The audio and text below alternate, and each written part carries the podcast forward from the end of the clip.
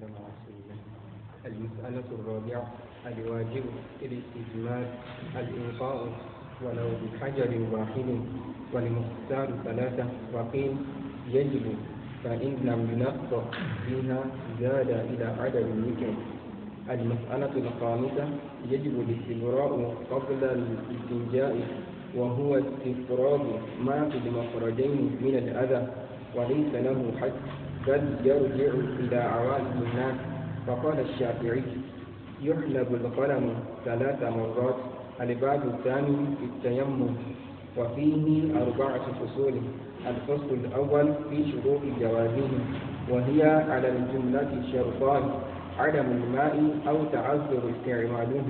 وأما على التسهيل فهي عدم الماء في السفر والمرض إجماعا وفي الحضر من غير مرض خلافا لأبي حنيفة وأن يجد من الماء ما لا يكفيه خلافا للشافعي وعدم الآلات الموصلة إلى الماء كالدلو أو البشاك وأن يخاف العطش على نفسه أو على ظنه من آدمي أو بهيمة وأن يخاف إن خرج إلى الماء خصوصا أو سباعا. وأن يجد الماء غالبا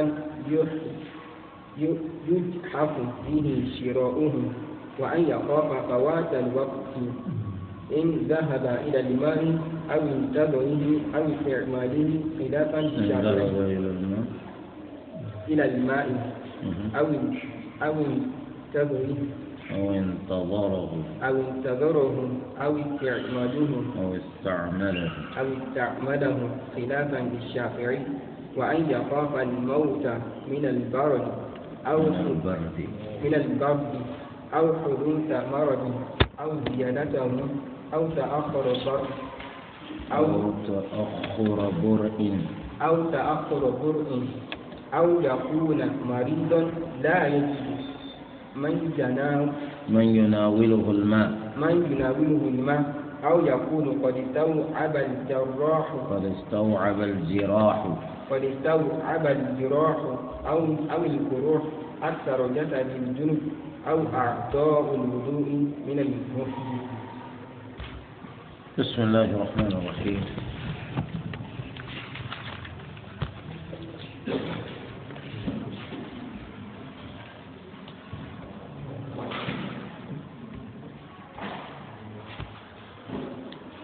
الحمد لله والصلاة والسلام على رسول الله محمد بن عبد الله وعلى آله وصحبه ومن والاه وبعد. السلام عليكم ورحمة الله وبركاته. يقول المصنف رحمه الله المسألة الرابعة الواجب في الاستجمار الإنقاء لماذا أمرنا بالاستجمار؟ أمرنا بالاستجمار من أجل إزالة ما في المخرجين أو أحدهما من الأذى ويزال ما في المخرجين من الأذى طلبا للإنقاء أي المسلم يسعى لأن يكون نقيا. يسعى لأن يكون نقيا. والاستجمار هذا الإنسان مخاطب به طلبا للإنقاء ولو تحقق ذلك بحجر واحد. ولو تحقق ذلك بحجر واحد. إلا أن السنة دلت على أن الاستجمار يكون بثلاثة أحجار. لأن النبي صلى الله عليه وسلم إذ ذهب يوما لقضاء حاجته طلب من أحد الصحابة الذين من بينهم في إحدى الروايات سلمان الفارسي أن يأتيه بحجر فأتوه بحجرين وروث فرمى النبي صلى الله عليه وسلم الروث فطلب منه أن يأتيه بحجر آخر. فلم يكتف النبي صلى الله عليه وسلم بأقل من ثلاثة أحجار. إذا الاستجمار يكون بثلاثة أحجار. ولو تأتى الإنقاء بأقل من ثلاثة أحجار فالمكلف لا يكتفي بذلك حتى يتمم عدد الأحجار ثلاثة. فهمتم؟ لا بد أن يكون عدد الأحجار ثلاثة لأن النبي صلى الله عليه وسلم هكذا فعل. ولأجل هذا يقول الواجب في الإنقاء في, في الاستجمار الإنقاء ولو بحجر واحد. إلا أننا قلنا الحجر الواحد حتى لو تحقق الإنقاء به فإننا لا نكتفي به. لمخالفة ذلك فعل النبي صلى الله عليه وآله وسلم. فلأجل هذا فإننا نستكمل عدد الأحجار ثلاثة قبل أن نكتفي. فهو بدوره أيضا قال والمختار ثلاثة. المختار ثلاثة لأن السنة بالثلاثة أتت. السنة بثلاثة أحجار أتت. وقيل تجب أي وقيل تجب ثلاثة أحجار. قيل تجب ثلاثة أحجار. وهذا هو المختار في الحقيقة. لأن النبي صلى الله عليه وسلم كان باستطاعته أن يكتفي بما أتي له به من حجرين. إلا أنه قال رمى الروث وطلب من الصحابي أن يأتي بحجر ثالث. وهذا يدل على أن الإنسان لا يستجمر بأقل من ثلاثة أحجار. فالمختار عندنا وجوب ثلاثة أحجار. لا استحبابها المختار وجوب ثلاثة أحجار. لا استحبابها فإن لم ينق بها. أتى الإنسان بثلاثة أحجار للاستجمار. فاستجمر بالحجر الأول وبالحجر الثاني ثم بالحجر الثالث إلا أن الإنقاء لم يتحقق بهذه الأحجار الثلاث. ماذا يفعل؟ زاد. يزيد في الحجر. يأتي بحجر رابع. ويأتي بحجر خامس. لأنه لا يقف إلا على الوتر. لا يقف إلا على الوتر.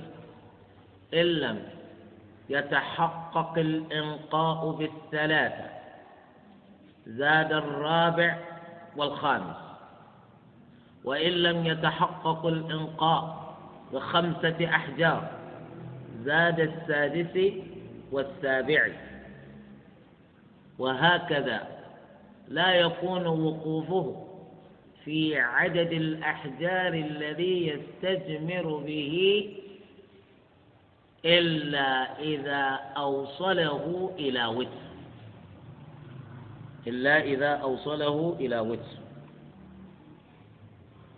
معلوم أن الإنسان إذا كان ممن أعطاه الله إسلاما وإيمانا فإنه لا يرتاح له بال. ولا تطمئن له نفس حتى يتحقق من أنه قام أنه من أنه قد قام بإزالة كل ما به من أذى.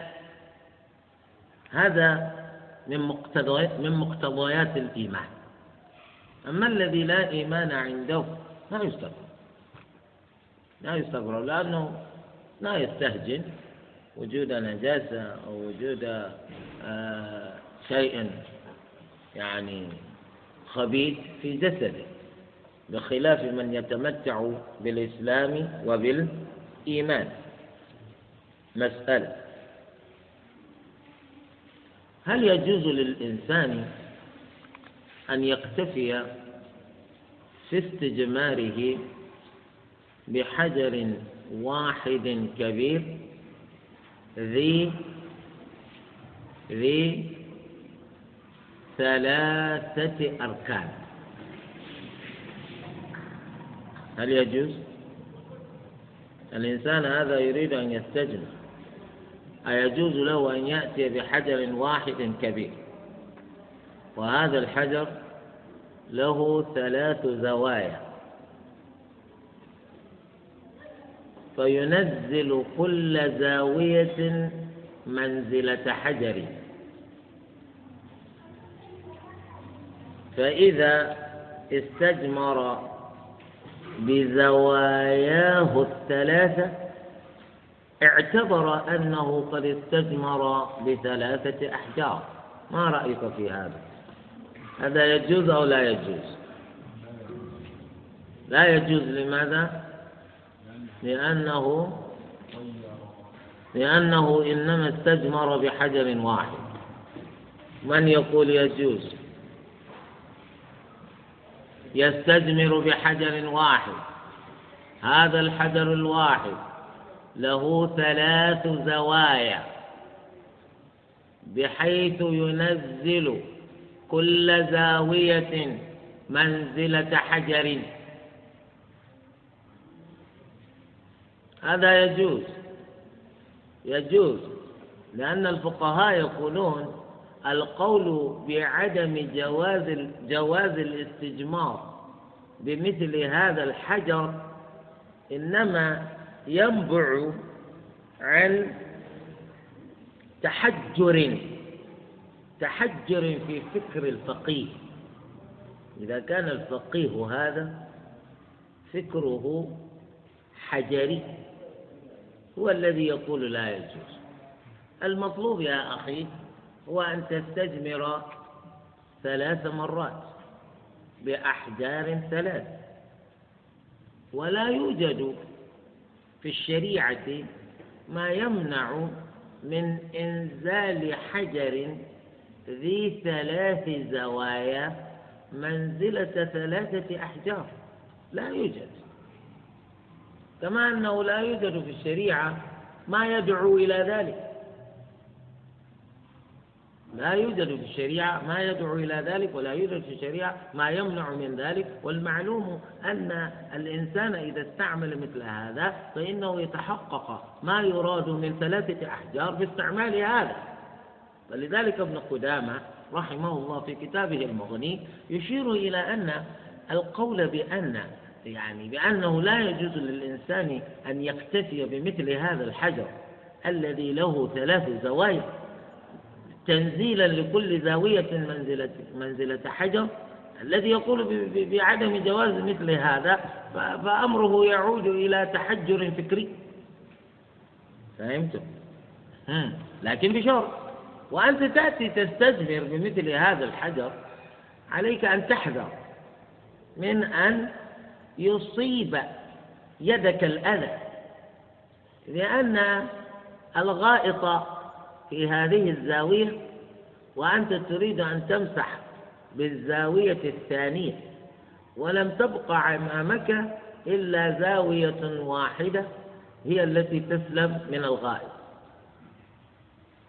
إذا أنت تمسك الحجر بحيث لا يصيب يدك الغائط. تمسح بالزاوية الثانية ثم إذا جئت تمسح بالزاوية الثالثة أعانك الله. وقد كان الغائط موجودا في الزاويتين. كيف تمسك بالحجر؟ يعني أنت الآن يعني تدبر نفسك وتعمل فكرك وتحتاط حتى لا يصيب يدك الغائط. هذا هو المسألة الخامسة الاستبراء. المراد بالاستبراء هنا هو آه هو النثر. والنثر هذا هذا بالنسبة للرجال دون النساء طبعا. هم الذين يقومون بمثل هذا الاستبراء وبمثل هذا النثر. وهو أن يجعل الإنسان الذكر يجعل ذكره بين إصبعين من أصابع يده يجعل ذكره بين إصبعه السبابة وإصبعه الإبهام. ذكره يكون داخل إصبعين من أصابع يده اليسرى والإصبعان هما السبابة والإبهام. هكذا يجعل ذكره بينهم ثم يمرر إصبعيه على ذكره حالبا له حالبا له كأنه يحلب الحليب يحلب البقر حالبا له من أعلاه إلى أسفله. حتى يستخرج بذلك ما قد يتبقى من بول في ممر البول من ذكره. فهمتم؟ يستفرغ ممر البول بهذا النسر والاستبراء والاستبراء. لأنه أراد أن يعبد الله بنظافة متيقنة. يريد أن يعبد الله بنظافة متيقنة. وهو لا يأمن. إذا لم يقم بمثل هذا النسر وبمثل هذا الاستبراء أن يكون شيء من البول قد بقي في مجرى البول عنده ويكون قد استنجى. وبينما هو قد توضأ أو هو يصلي يتقاطر شيء من بقايا البول على سرواله وهو يصلي. ويكون ذلك ناقضا لكل من وضوئه وصلاته. فلأجل هذا هم يرون أن هذا من باب ما لا يتم الواجب إلا به ففعله واجب. أنت مخاطب بفعل النظافة وما لا تتم النظافة إلا به يكون فعله واجب. يكون فعله واجب. إلا أن المحققين من العلماء يرون أن القول بالاستبراء والذي اصطلح عليه الفقهاء وهو النذر. يرون أنه يعني قول جاء به الفقهاء من غير دليل. أي دليل في الشريعة على مشروعية الاستبراء؟ يعني أنك تحلب ذكرك كأنك تحلب إبلا يقولون هذا من التنطع. الله ما أمرك بهذا. الله ما أمرك بهذا. وربما يعني دخل الوسواس على الناس من هذا من هذا الباب. فيصير الإنسان في وسواس دائم ولا يطمئن قلبه أبدا إلى أنه قد تنظف حين يتنظف. فلأجل هذا نحن لسنا مكلفين بهذا. لكن عليك إذا ذهبت تبول أن تستبرئ من بولك. يعني تمكث قليلا وتمهل لنفسك قليلا. حتى يخرج. كل ما يبقى في مجرى البول من ذكرك قبل أن تستنجيه ولك وسائل عديدة للتأكد من أن البول قد خرج كله. إذا انتظرت قليلا ولم ترى للبول خروجا بعد الذي كان قد سبق أن خرج. اطمأن قلبك. كذلك إذا هززت ذكرك وبقي فيه شيء من البول فإنه يخرج مع الهز. هذا يكفي. فلا تحتاج إلى الاستبراء الذي هو بمعنى النثر وهو حلب الذكر كما يحلب البقرة. لا لا تحتاج إلى كل هذا. فهمنا؟ لكن عليك أن تتأكد من أن كل شيء مما هو بول قد خرج كله منك يستدل الفقهاء لهذا بما جاء في حديث النبي صلى الله عليه وآله وسلم حين مر بقبرين وقال إنهما لا يعذبان وما يعذبان في كبير. يقول العلماء المدفونان في هذين القبران في هذين القبرين مسلمان. وإلا لو كان المدفونان في القبرين كافرين لما كان في قوله صلى الله عليه وآله وسلم إنهما لا يعذبان فائدة جديدة لأن الكافر أصلا يعذب. وقوله إنهما لا يعذبان دليل على أنهما مسلمان. وما يعذبان في كبير. أي الذنب الذي أدى إلى أن عذب أو يعذب في قبرهما ليس بكبير. وفي رواية إنه لكبير. إنه لكبير. لأنه ذنب أدى بهما إلى أن يعذبا في القبر. فيكون ذلك الذنب كبيرة من الكبائر. أما أحدهما فكان لا يستنثر من بوله. لا يستنثر من بوله أي لا يتأكد من أن البول إذا بال قد خرج كله قبل أن يستنجي. ولا يتأكد من خروج البول كله قبل الاستنجاء. وهذا سبب عذابه. فانتبه. وقد جاء في حديث للنبي صلى الله عليه وآله وسلم أنه يقول استبرئوا من هذا البول فإن عامة عذاب القبر منه. فإن عامة عذاب القبر من البول. نسأل الله السلامة.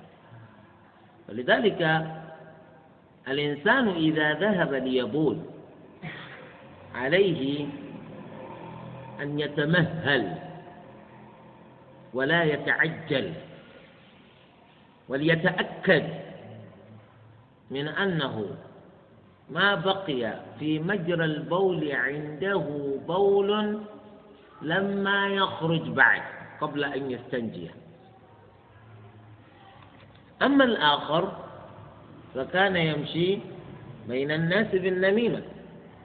فالشاهد ما قال النبي صلى الله عليه وسلم في أحدهما أنه كان لا يستنثر من بوله. إذا يجب علينا أن نتأكد من خروج البول كله من مجراه قبل أن نقوم بالاستنجاء. يقول يجب الاستبراء قبل الاستنجاء لأنك إذا لم تستبرئ حتى استنجيت فإنك لا تضمن من أن البول لا يخرج منك بعد الاستنجاء فتكون مستنجيا بالبول عن البول. يعني تستنجي بالبول عن البول. وأي نظافة في هذا؟ إنما تلطخ جسمك بالنجاسة.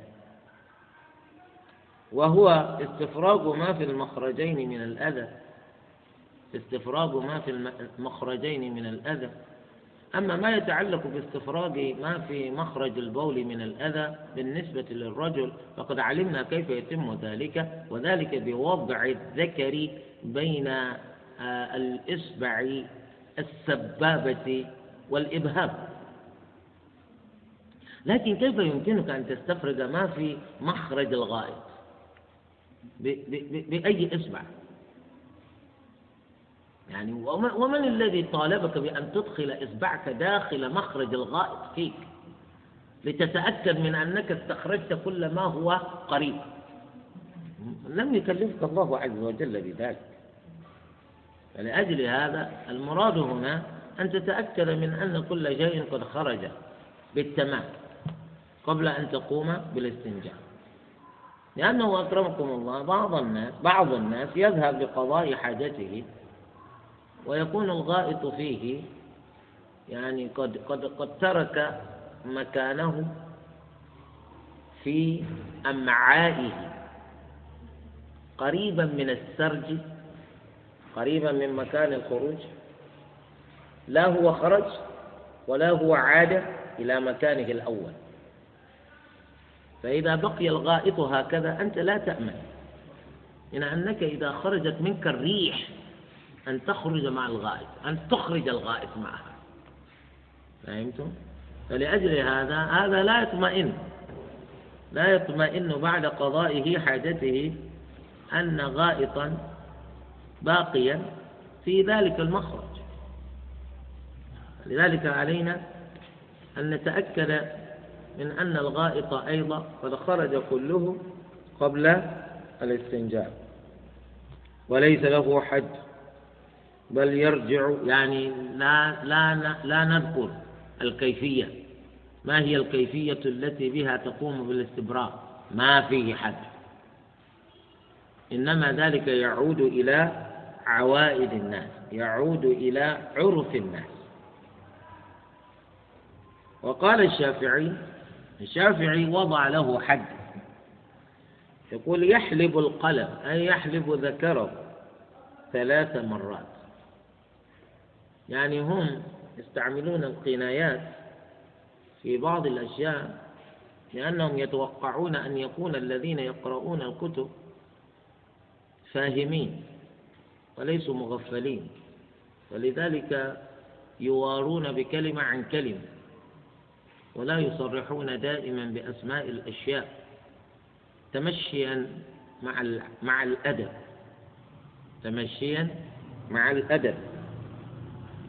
ثم انتقل المصنف إلى الباب الثامن وهذا الباب في التيمم. قال وفيه أربعة فصول. الفصل الأول في شروط جوازه. في شروط جوازه. أولا ما هو التيمم؟ ما هو التيمم؟ تكلم. ما هو التيمم في اللغة العربية؟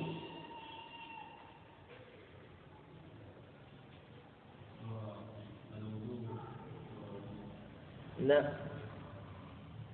لو كان وضوءا ما سمي تيمم لا. أها. ما هو التيمم في اللغة العربية؟ ليس في الشرع. نعم.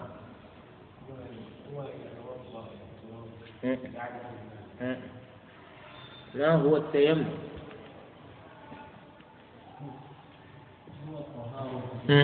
يعني هذا تعريف للشيء في الاصطلاح كل هذا الذي تذكره. هذا تعريف للشيء شرعا. أنا أريد منكم أن تعرفوه في اللغة أولا. شيء لا يعرف في الشرع قبل أن يعرف في اللغة لأن اللغة هي التي أتت بهذه الكلمة. فما معنى التيمم في اللغة العربية؟ نعم. القصد. التيمم هو القصد. فلذلك يقول الشاعر فما أدري إذا يممت أرضا أريد الخير أيهما يليني فما أدري. إذا يممت أرضا أي إذا قصدت أرضا. إذا قصدت أرضا. أريد الخير أيهما يليني لا أدري. الخير هو الذي يليني أو الشر. أنا لا أدري. الشاهد وما أدري ولست أخال أدري. وما أدري إذا يممت أرضا أريد الخير أيهما يليني يعني أنا إذا قصدت أرضا وأنا أريد الخير هل الخير هو الذي يليني أو الشر؟ يممت يممت أي قصدت. يممت بمعنى قصدت. أما في الاصطلاح فهو طهارة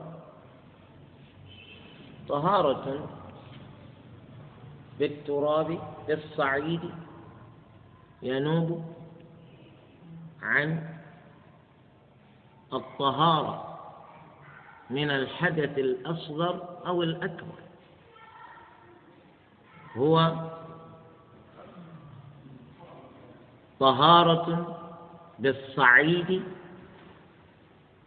ينوب عن الطهارة عن الحدث الأصغر أو أكبر. طهارة بالصعيد ينوب عن الطهارة عن الحدث الأصغر أو الأكبر. بمسح الوجه والكفين بس. طهارة ترابية أو بالصعيد ينوب مناب الطهارة عن الحدث الأصغر أو الأكبر بالمسح في كل من الوجه والكفين إلى الرسغين انتهى. التيمم هذا مشروع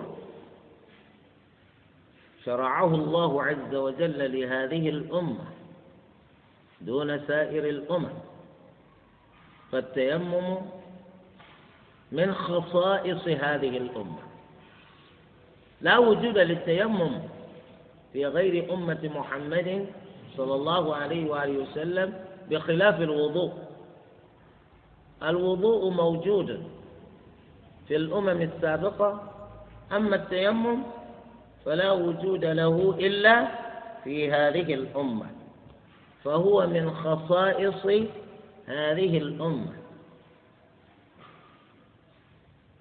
يقول النبي صلى الله عليه وسلم في ذكره لخصائصه إذ ذكر ما أعطاه الله عز وجل دون غيره من الأنبياء؟ قال وجعلت لي الأرض مسجدا وتربتها طهورا. فالله عز وجل لما قال فلم تجدوا ماء فتيمموا فتيمموا صعيدا طيبا. هذا لا وجود له في غير هذه الأمة. ما جعلت الأرض لهم طهورا. ما جعلت ما جعل تراب الأرض لهم طهورا. لأنه يقول وجعلت لي الأرض مسجدا وتربتها طهورا. ولذلك نحن نتيمم بتراب الأرض بالصعيد في الحديث الذي يرويه الإمام أبو داود رحمه الله يقول النبي صلى الله عليه وسلم الصعيد الطيب وضوء المسلم وإن لم يجد الماء عشر حجج. فإذا وجد الماء فليمسه بشرته فليمسه بشرته. الصعيد الطيب وضوء المسلم مسلم. مسلم من هذه الأمة. فهذا من خصائص أمة محمد صلى الله عليه وآله وسلم. في شروط في شروط جوازه في شروط في شروط جواز التيمم. وهي على الجملة شرطان. أي من حيث الجملة؟ شروط جواز التيمم شرطان.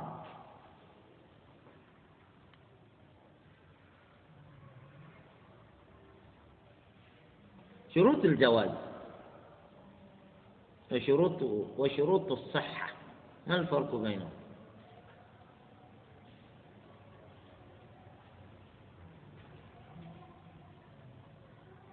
ويقول الفقهاء شروط الوجوب. أوكي خلاص. ما الفرق بين شروط الوجوب وشروط الجواز؟ ما الفرق بينهم؟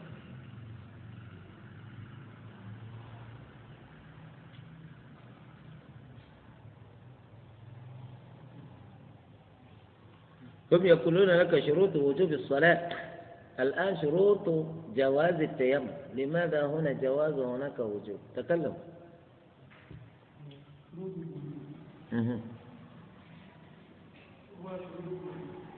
لماذا لا يقال شروط جواز الصلوات الخمس؟ ويقال شروط وجوب الصلوات الخمس. لأن أصلا التيمم ليس بواجب إلا بعد فقد الماء لأن التيمم ليس ليس أصلا للطهارة. أه؟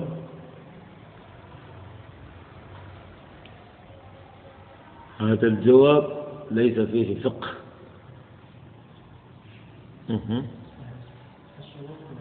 لماذا قالوا شروط جواز التيمم؟ يحدث شيئا الذي في في أشراطه لا يجوز. أشراط؟ ماذا تقصد بالأشراط؟ أشراط الساعة؟ فقال جاء أشراطها. لا. ماذا قالوا شروط جواز التيمم؟ وأنتم ترون في الكتب يقولون شروط وجود الصلاة. لماذا؟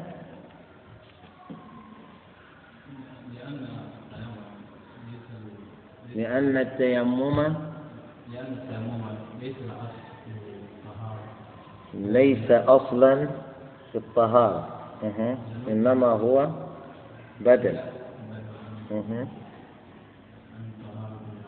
أوكي. إذا كان التيمم بدلا والمبدل منه لا يوجد فيكون التيمم جائزا أيضا. لا يكون واجب. أنت لا تعبد الله إلا بالواجب صح؟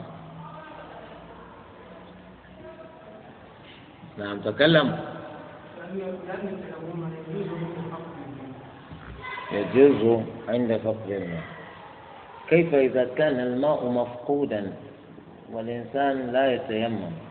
تقول يجوز. هل يوجد بديل عن التيمم؟ والماء لا يوجد. شروط جواز التيمم. شروط جواز التيمم.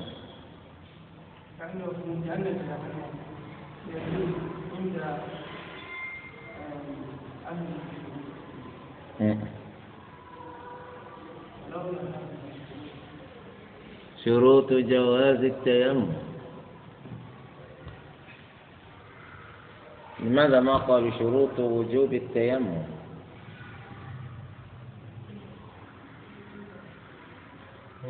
التيمم ليس بواجب لأن التيمم ليس بواجب إنما هو لعب.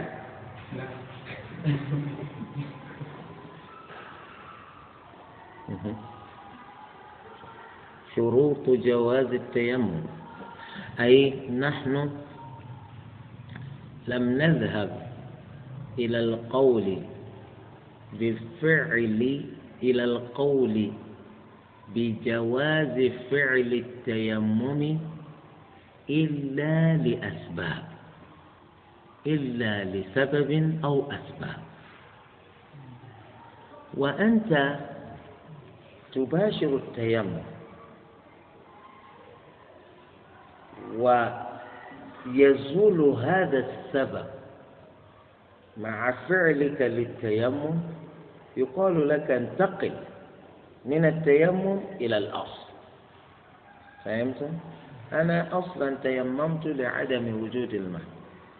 فما زدت على أن مسحت وجهي فقط. قبل أن أبدأ بمسح يدي إذا بالماء قد جاء. ماذا يقال لي؟ قال أتمم تيممك. أو بطل تيممك لأنك أصلا إنما خوطبت بالوضوء. إنما خوطبت بالوضوء. والتيمم هذا إنما لجأت إليه لما لم تجد سبيلا إلى فعل الأصل. حتى لا تترك العبادة.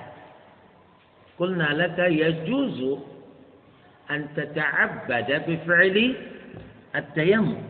فلذلك يقولون لك شروط جواز التيمم ولا يقولون لك شروط وجوب التيمم. لأن التيمم ابتداء ابتداء لم يوجبه الله عز وجل. إنما شرعه الله عز وجل على سبيل البدلية. على سبيل أنه يقوم مقام غيره. يقوم مقام غيره. والأصل عدم بقاء البدل مع وجود المبدل. الآن التيمم لا يبقى. إذا كان السبيل إلى الوضوء ممكنا. وكان السبيل إلى غسل الجنابة ممكنا. من الذي يتكلم عن التيمم؟ لا أحد. فلذلك يقولون لكم شروط الجواز بخلاف ما إذا تكلموا في الصلاة. الصلاة بدلا من الصلاة أصل قائم بنفسه. فلذلك يقول شروط وجوب الصلاة لا يقال لك شروط جواز الصلاة. فالذي أريده أصلا ليس هذا. لماذا الفقهاء هؤلاء يقولون بل الأصوليون؟ عند الفقهاء عندهم يعني تدقيق وتفصيل أكثر مما نجد أحيانا في كتب الأصول.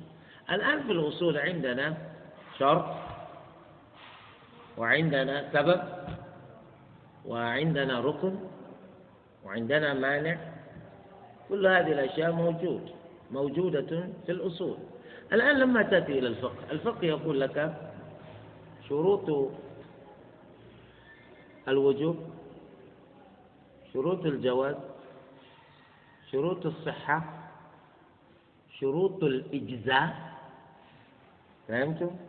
في التوحيد نقول شروط القبول. فهمتم؟ هذه شروط شروط شروط. هذه ما الفرق بين شروط الوجوب وشروط الصحة؟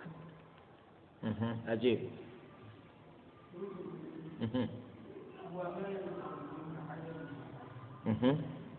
ويلزم من وجوده وجود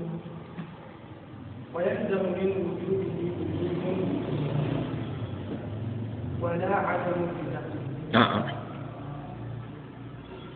لقد أفسدت كل ما بنيت.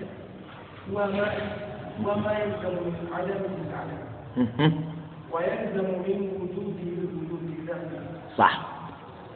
هو ما يلزم من عدمه العدم لذاته. ويلزم من وجوده وجودا لذاته. لكن تبدأ بالوجود. وما يلزم من وجوده وجود لذاته ويلزم من عدمه العدم لذاته. هذا هو السبب. يقال له شروط الوجود هذا هو السبب. يعني إذا قال الفقهاء شروط الوجوب يريدون السبب. يريدون السبب في الاصطلاح الأصولي. لأن السبب معناه هو ما يلزم من وجوده وجود الشيء. لذات هذا السبب. لا ننظر إلى غيره. ويلزم من عدمه عدم هذا الشيء لذات هذا السبب. مثال زوال الشمس. سبب لوجوب صلاة الظهر. فيلزم من زوال الشمس وجوب صلاة الظهر. ويلزم من عدم زوال الشمس عدم وجوب صلاة الظهر لذات زوال الشمس. أي نحن لا ننظر إلى غير زوال الشمس. بدليل أننا إذا نظرنا إلى أشياء أخرى قد لا تجب هذه الصلاة على كل فرد فرد. مثلا زالت الشمس. وقلنا يلزم من زوال الشمس وجوب صلاة الظهر. لكن هذا الإنسان كافر وقد زالت الشمس. صلي! يقول لست مسلما. فهمتم؟ إذا الصلاة واجبة لا على هذا الكافر. لكن نقول هو مخاطب أيضا بالصلاة. نقول هذا تأثيره في الآخرة. أنه يعذب على ترك الإيمان ويعذب على ترك الصلاة. ما سلككم في سقر قالوا لم نكن من المصلين ولم نكن نطعم المسكين. هم مجرمون أصلا كفار أصلا. ربنا يعذبهم على ترك الصلاة كما يعذبهم على ترك الإسلام والإيمان. أيضا الآن هذا الإنسان الذي تريد منه أن يصلي وقد زالت الشمس غير بالغ. أتجب عليه الصلاة وهو غير بالغ؟ لا تجب عليه الصلاة. يعني بالنظر إلى السبب فقط. نقول الصلاة واجبة. لكن هل تجب الصلاة على الصبي الذي لم يبلغ بعد؟ إنما يؤمر هو بالصلاة على سبيل التمرين. أما وجوب الصلاة فلا تجب عليه. كذلك هذه المرأة حائض. أنت تأمرها بالصلاة؟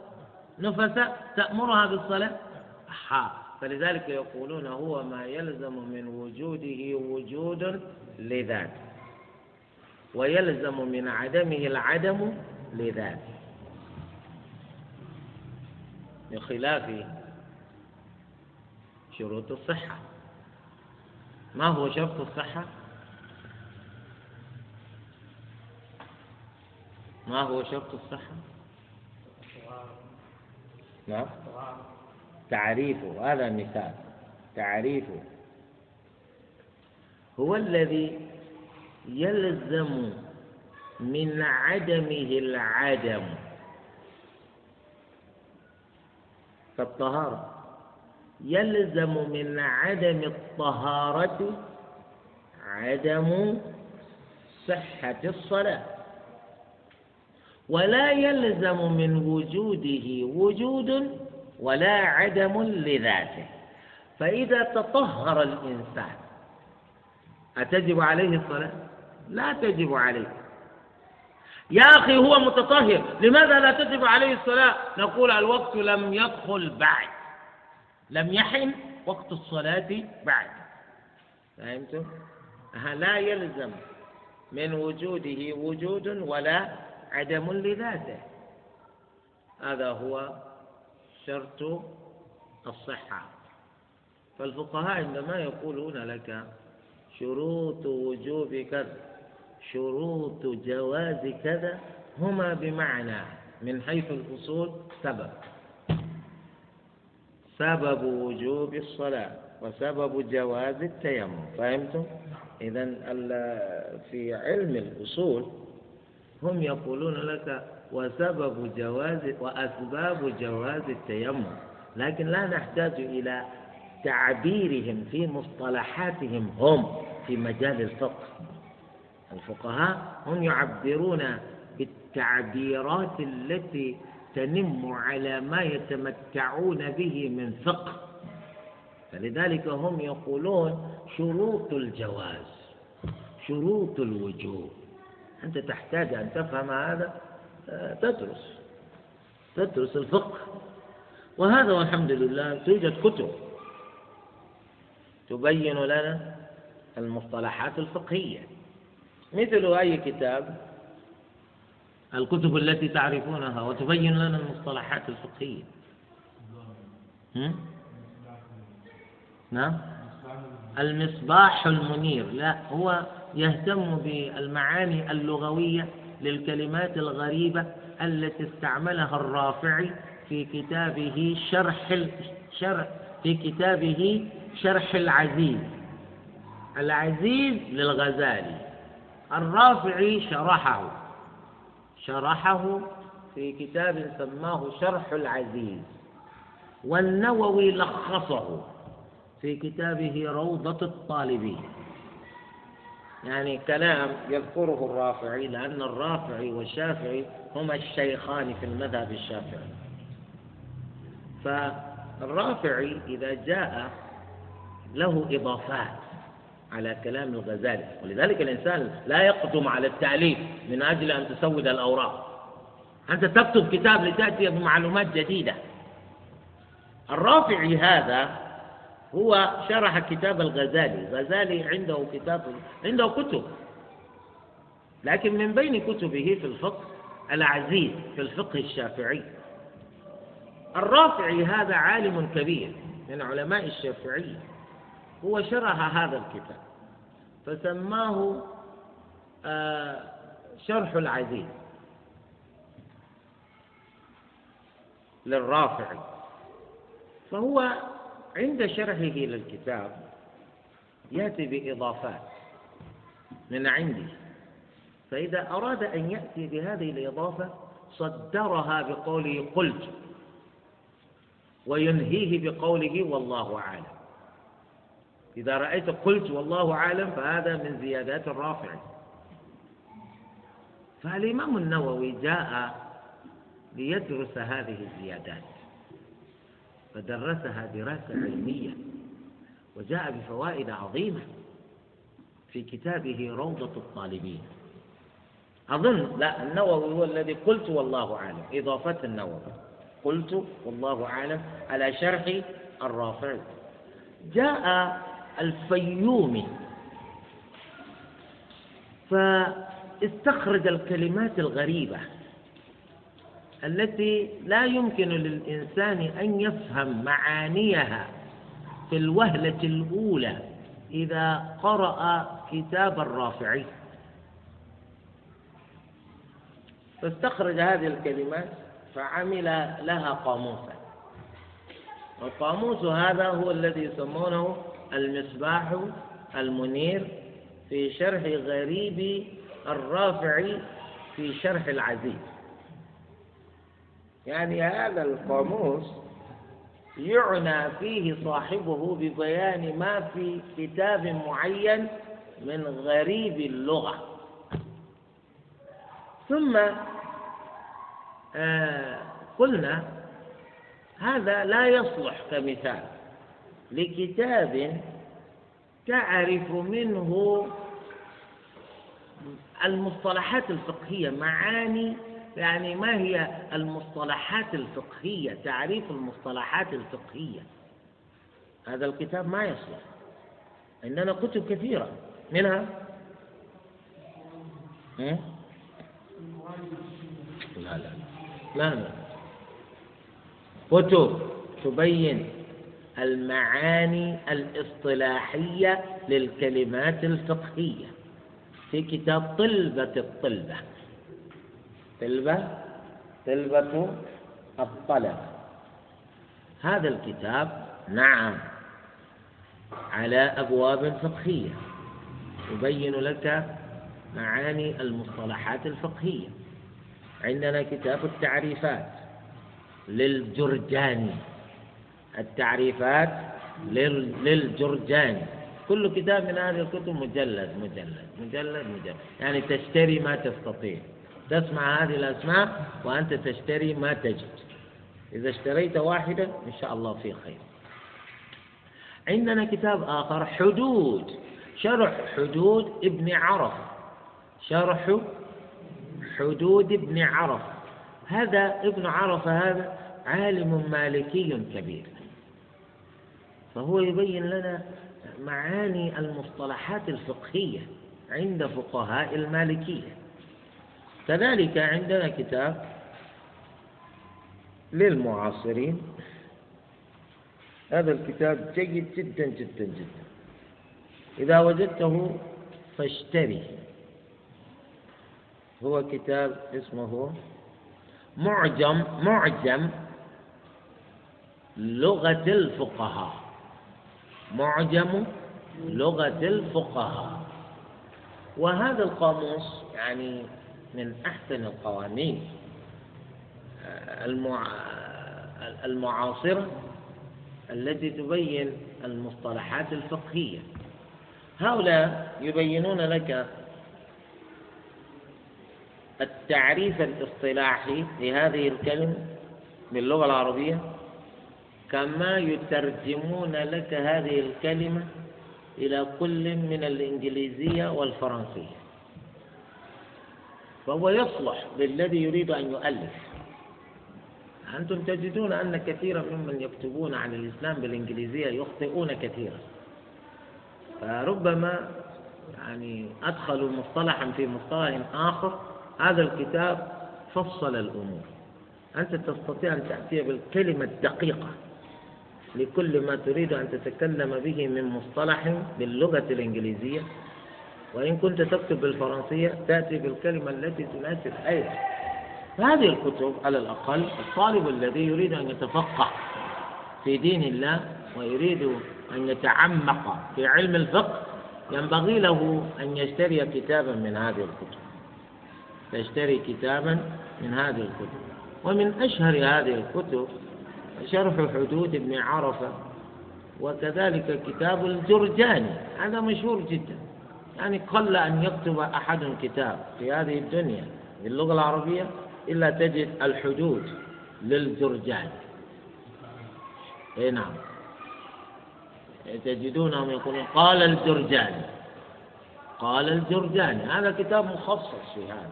يعني أنا وجدت كلمة لا أعرف معناها في الاصطلاح. اذهب إلى الجرجاني يبين لك معنى هذه الكلمة في اصطلاح العلماء. إذا يقول شروط جوازه أي سبب أسباب جواز التيمم. أسباب جواز التيمم. إذا فهمت هذا يعني الكتاب الذي تقرأه تفهمه جيدا. لأن بعض الناس الآن شروط جواز يموت على هذا ولا يفهم ماذا يريدون يعني هو يريد أسباب جواز التيمم. أولا عدم الماء. إذا عدم الماء سبب من أسباب جواز التيمم. فإذا رأينا أحدا يتيمم والماء موجود سألناه لماذا؟ سألناه لأن الحكم يدور مع العلة وجودا وعدم. هنا لا توجد العلة ولماذا تتيمم؟ إذا لابد أن يبين. السبب الذي من أجله يتيمم مع وجود الماء. أو تعذر استعماله. الماء موجود ولكن استعماله مستعص عليه. صعب ليس بإمكانه أن يستعمل الماء. قد يكون السبب في ذلك أن الماء موجود وقد حال دونه والماء سبع. أو لصوص. إذا قال إنني لابد أن أذهب إلى مكان وجود الماء ربما هاجم عليه الأسد. أو ثعلب. أو ذئب. أو نمر أو نمر. إذا فاتقوا الله ما استطعتم لأن الذي عاش طويلا هو الذي يعبد الله طويلا. فهمتم؟ أنت لا تقول لا أنا سأعبد الله وإن أدى لا بد أن أعبد الله بالوضوء وإن أدى ذلك إلى أن يأكلني الأسد. يقول لك تيمم يا رجل. تيمم ولا شيء. أو يكون بينه وبين مكان وجود الماء لصوص. اللصوص هؤلاء إذا أمسكوا به إذا أمسكوا به يعني قضوا على على حياته. ويقول والله نحن لا نخاف إلا الله. فهمتم؟ نقول نعم لا نخاف إلا الله. ولكن الله عز وجل يقول وخذوا حذركم. إذا لا تقتل نفسك يا رجل. أو أن يكون الإنسان مريضا. ويعلم من نفسه أنه إذا استعمل الماء هذا قد يزيد في مرضه. أو يتسبب في تأخر برئه. نقول له تيمم يا رجل فاتقوا الله ما استطعتم. والنبي صلى الله عليه وسلم يقول إن الدين يسر. إن الدين يسر لأنك الآن إذا ذهبت تستعمل الماء وفيك ما يمنعك من استعمال الماء إلا أنك تقول لا الإيمان يقتضي هذا. والإنسان إذا كان يتمتع بالإيمان لا يقول هذا الكلام الذي تقولونه. يا أخي تموت. فإذا مت ماذا تقول لله؟ مثل ذاك الرجل الذي يقال له صاحب الشجة. يعني أحد الصحابة هو خرج مع غيره من الصحابة في رحلة فهو أصيب بحجر في رأسه في مقتل. فاستيقظ الرجل في اليوم التالي وهو جنب. فاستفسر ممن معه. هل تجدون لي يعني مخرجا في أن أتيمم ولا أغتسل بالماء؟ قالوا لا لا بد أن تغتسل. والبرد قارس. والرجل قد شج في رأسه. قالوا لا لا بد أن تغتسل. يا جماعة نعم بص. اغتسل الرجل فمات. مات. فالنبي صلى الله عليه وسلم يقول قتلوه قاتلهم الله. ولأجل هذا بعض الناس يتشدد فيما لا مجال للتشدد فيه ويتساهل فيما ينبغي أن يتشدد فيه. فهمتم؟ أنت لا تقتل نفسك.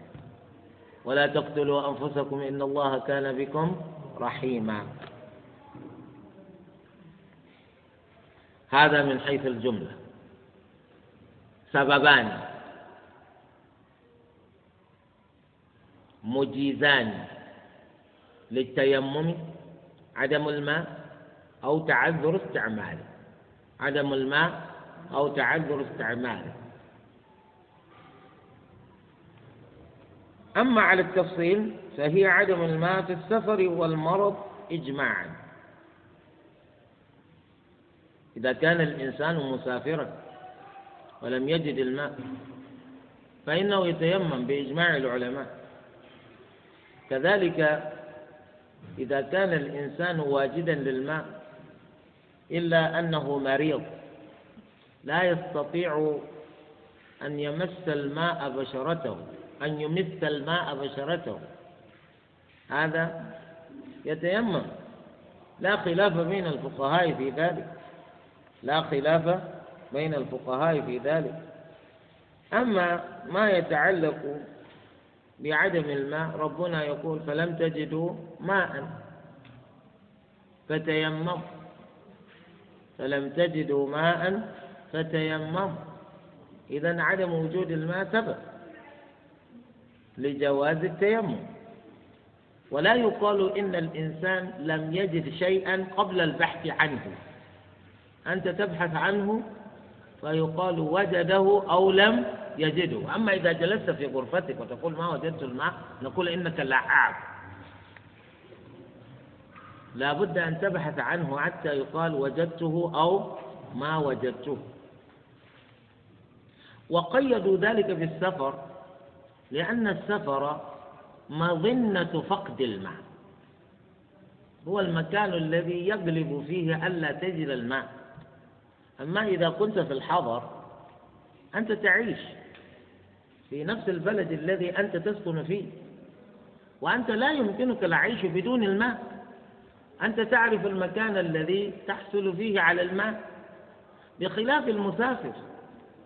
المسافر هذا إذا وجد نفسه في مكان وهو فيه غريب ربما يمشي يمنة ويسرى حتى إذا ما تعب في مشيه عاد إلى حيث انطلق فيقول لا وجود للماء هنا. وهو أيضا مكلف بأن يعبد الله. إذا يصلي بالتيمم. كذلك المرض. الإنسان إذا كان مريضا فإنه يتيمم. إذا كان في السفر وهو مريض ولم يجد الماء آه إذا سببان قويان يتيمم. هذا بالإجماع. أجمع العلماء على ذلك. أي بدون خلاف. وفي الحضر هل يتيمم الإنسان داخل البلد؟ في الحضر. الكلام الأول في المسافر الذي سافر أما إذا كان الإنسان داخل البلد وهو غير مريض إلا أنه لم يجد الماء هل يتصور أن يكون الماء مف... غير أن يكون الماء غير موجود داخل البلد؟ من هنا يختلف العلماء يتصور يتصور إذا جاء فصل الصيف كما نحن الآن تجد كثيرا من الآبار قد جفت لا ماء فيها. الناس ربما اضطروا إلى أن يمشوا أميالا طويلة ولا يحصلون إثر هذا المشي الطويل على قطرة من ماء. في كثير من الأماكن. أو ربما يكون الماء موجودا إلا أن الحصول عليه إنما يتحقق للأسرع والأسرع وصولا إلى مكان. يعني الذي وصل إلى مكان الماء أولا هو الذي يحصل عليه بخلاف غيره.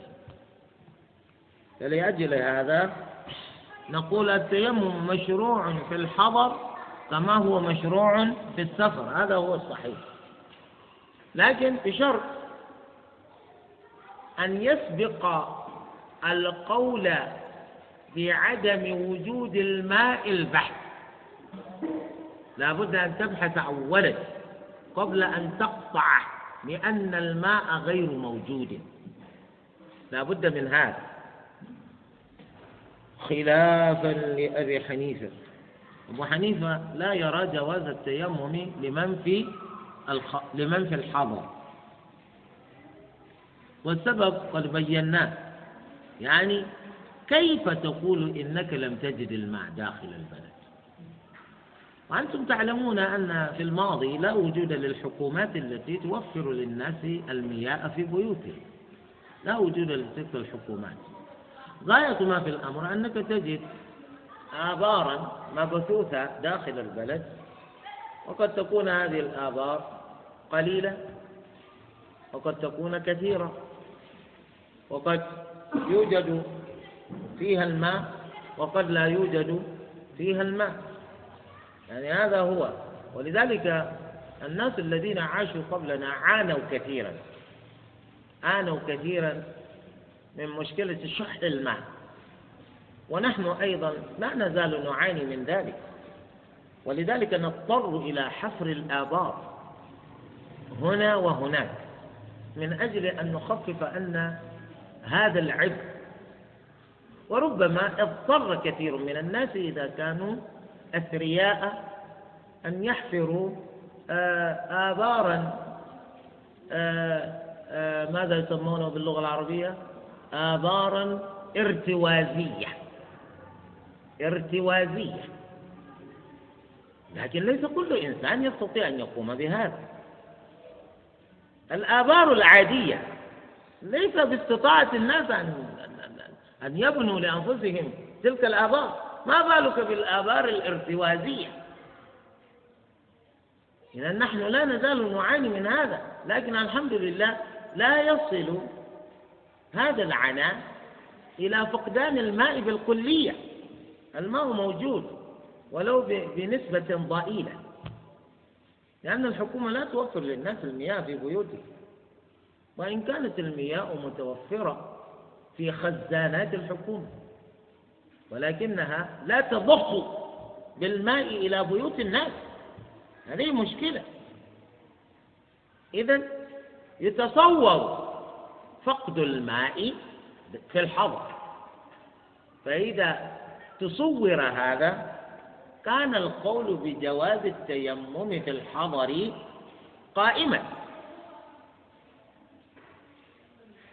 هذا هو. ثم وأن يجد من الماء ما لا يكفي.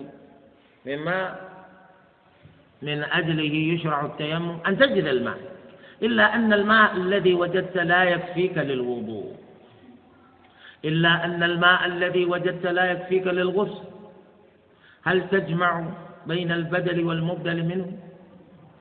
يقول خلافا للشافعي. الإمام الشافعي يرى كما هو أحمد بن حنبل أنك إذا وجدت الماء الذي لا يكفي فالواجب عليك أن تجمع بينهما تجمع بين البدل والمبدل منه لأن الله عز وجل أصلا لم يجد لأحد التيمم إلا إذا لم يجد الماء وهذا واجد للماء. ونحن نقول نعم هو واجد للماء الذي لا يكفيه. هم يقولون كلامنا هذا.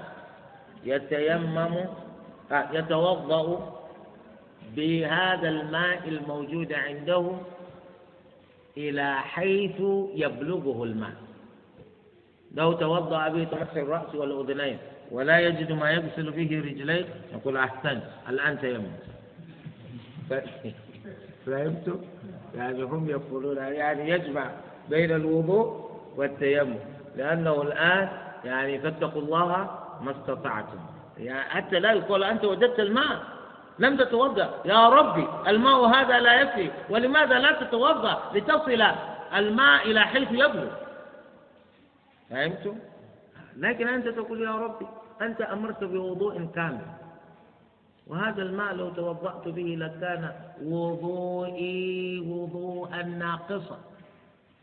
وما رأيت لا في القرآن ولا في السنة آية ولا حديثا أمرت فيه بأن أتوضأ وضوءا ناقصا. ولذلك يا ربي تيممت. فهمتم؟ فهذا ربنا إذا قال لك نعم لكنك آه، الماء الموجود هذا وإن كان لا يكفيك لاستعملته إلى حد ما. أنت تقول يا ربي أنت قلت فلم تجدوا ماء.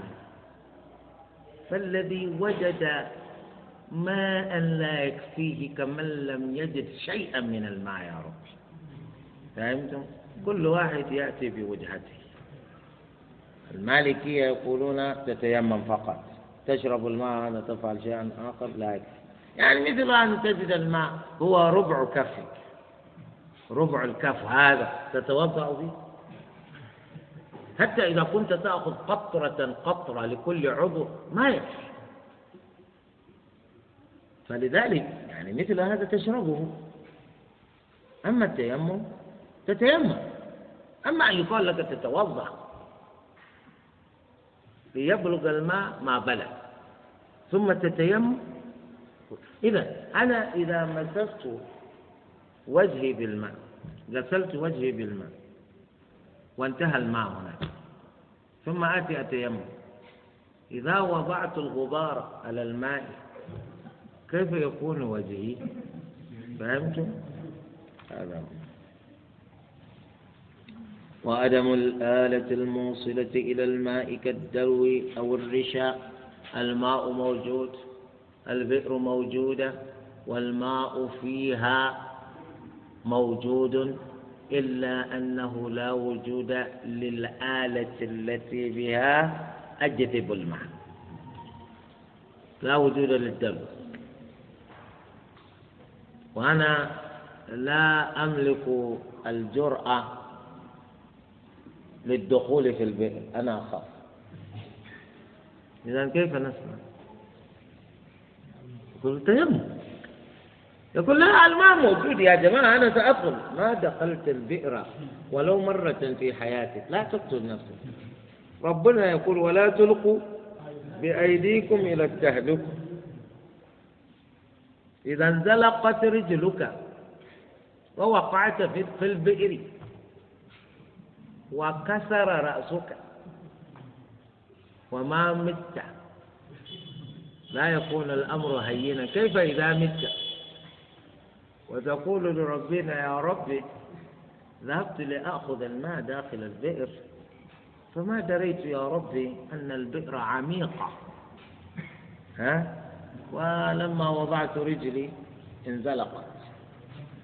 يا أخي لا تلقوا بأيديكم إلى التهلك الماء موجود لكن لا أستطيع أن أصل إليه. تيمم.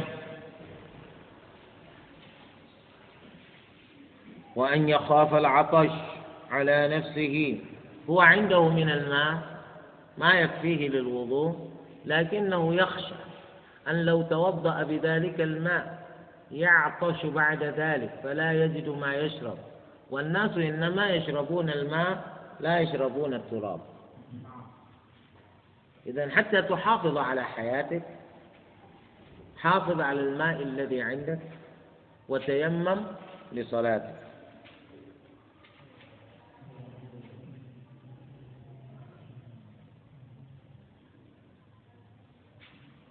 أو يريد يخاف العطش على نفسه أو على غيره من آدمية أو بهيمة لأنك إذا أنقذت نفسا بهذا الماء يكون أولى من أن تتوضأ به وأن يخاف إن خرج إلى الماء لصوصا. يعني واحد يخاف إذا خرج لطلب الماء يوجد في الطريق لصوص. فهمت؟ أو سباع حيوان مفترس. وأن يجد الماء غاليا. الماء موجود ولكنه غال جدا. يبيعون كيسا واحد الذي يباع بخمس نيرات عشر نيرات هؤلاء يقولوا الكيس بخمسمية نيرة ليه يا جماعة؟ أقول أه خلاص امشي. إما أن تشتري وإما أن تمشي. هذا غال مجفف يعني هذا يذهب بم... يذهب بمالك على لا شيء. كيس ماء ب 500 نيرة لا ما يصير وأن يخاف فوات الوقت إن ذهب إلى الماء. كذلك من الأسباب أنك تخاف أنك إذا ذهبت طلبا للماء خرج وقت الصلاة.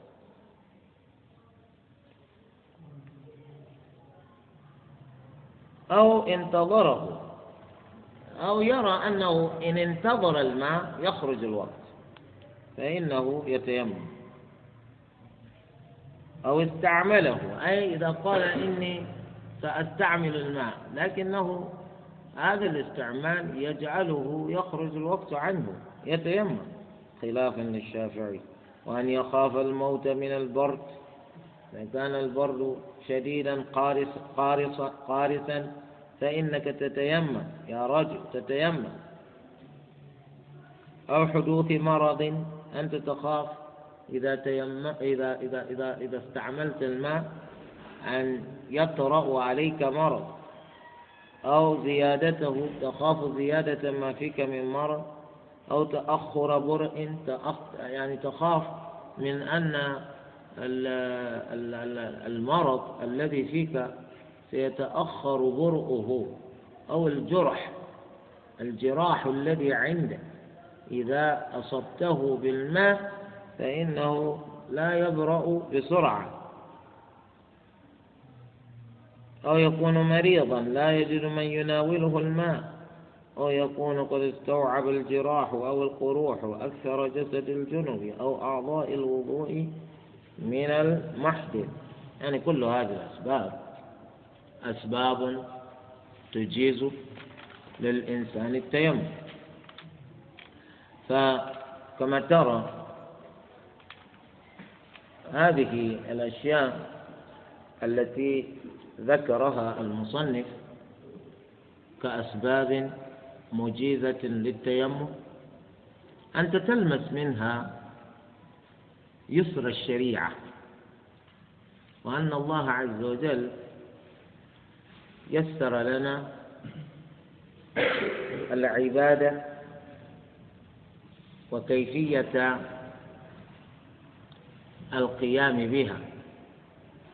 وبالتالي بقي بقي دورنا وهو أن نقيم العبادة كما يريدها منا ربنا عز وجل.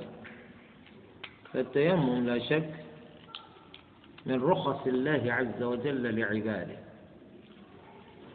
وفي الحديث إن الله يحب أن تؤتى رخصه كما يحب أن تؤتى عزائمه.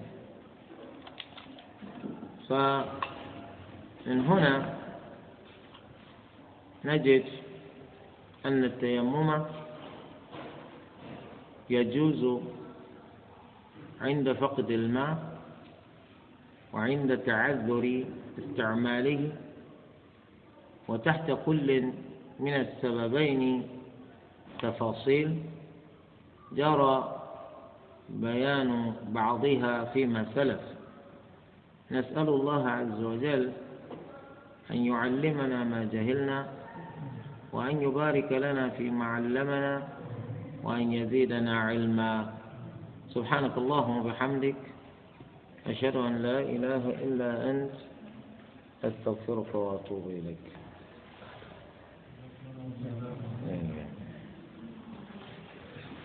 يحمل أحدكم